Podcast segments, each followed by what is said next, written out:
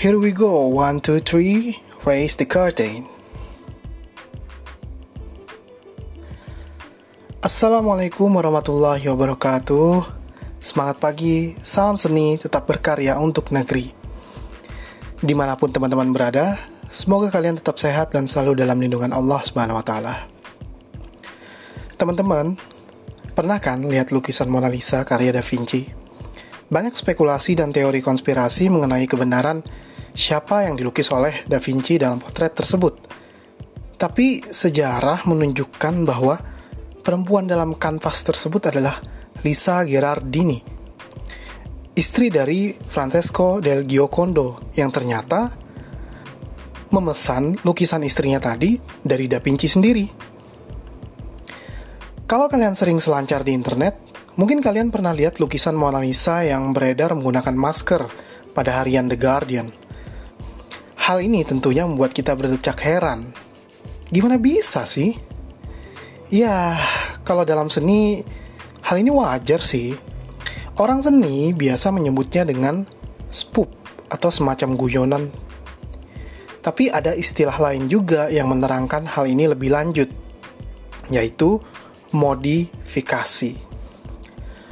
Modifikasi dalam seni rupa bermakna perubahan atau pengubahan kita boleh menyebutnya sebagai menjadi karya yang berbeda tanpa menghilangkan makna aslinya.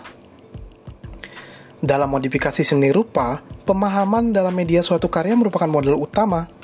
Meskipun begitu, modifikasi karya seni rupa juga punya aturan yang terikat pada tema dan makna dari karya seni asalnya.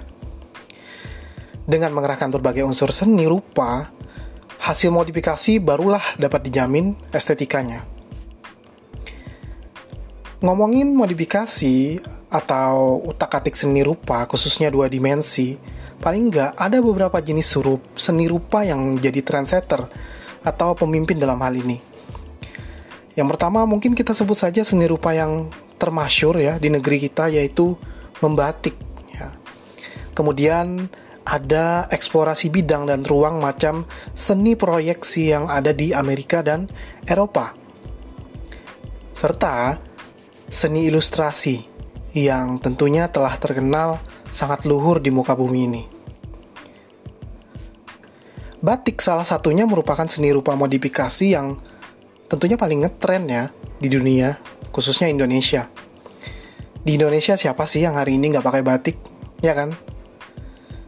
Karena coraknya yang indah itu, persiapan dalam membuatnya juga bisa dibilang habis-habisan loh. Maksudnya ya pembuatan batik itu sendiri itu adalah totalitas seni yang tiada tara gitu. For your information, ada tiga bahan utama yang digunakan dalam pembuatan batik. Yang pertama adalah kain. Nah, kainnya ini berupa kain mori, kain primis prima, dan sutra. Bahan kedua dan paling utama adalah lilin atau malam. Biasanya lilin kelowong ya, yang dipakai untuk membuat garis, dan lilin tembok itu untuk membuat blok. Dan yang terakhir bahannya adalah pewarna, baik itu pewarna yang alami dari tumbuh-tumbuhan maupun pewarna sintesis, kayak naptol, indigosol, atau remasol. Yang lebih variatif lagi nih alat membuatnya, seperti canting yang punya jenis macam cecekan, loron, telon, perapatan, liman, dan biok Kemudian ada cap khusus untuk pola gambar. Wajan dan kompor sebagai pemanas malam atau lilin.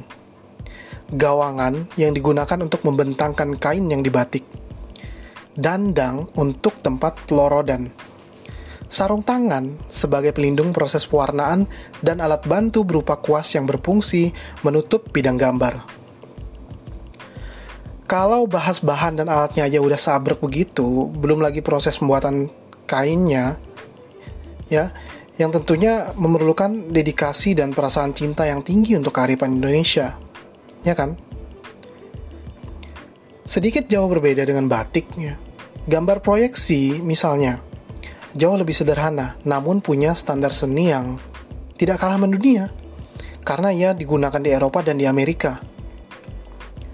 Proyeksi biasanya dipakai untuk mendesain arsitektur sebuah bangunan modern yang tentunya tak hanya memiliki nilai fungsi, tapi juga memiliki nilai fungsi yang praktis. Dan memiliki nilai seni. Kalau membatik butuh perkakas yang beraneka, menggambar proyeksi itu cuma butuh kertas, pensil, rapido, dan penggaris saja kok. Sisanya, use your imagination.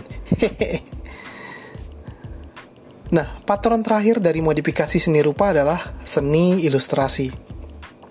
Seperti namanya nih, teman-teman sekalian, ilustrasi artinya gambar yang memperjelas suatu deskripsi. Unsur utama dari seni ilustrasi sendiri adalah makhluk hidup.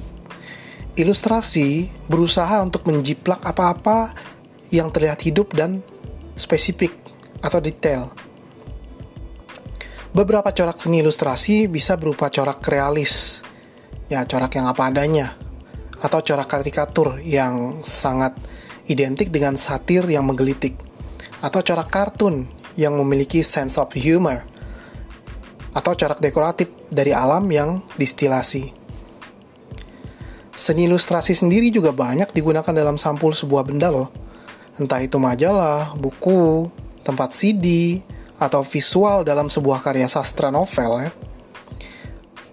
Maka dari itu hal ini mengukuhkan seni ilustrasi sebagai seni yang fungsi komersialnya itu paling beragam. Media dalam gambar ilustrasi sendiri bisa berupa media manual Ya, contohnya tinta, cat, air, uh, spidol, rapido, charcoal. Nah, ada juga media digitalnya.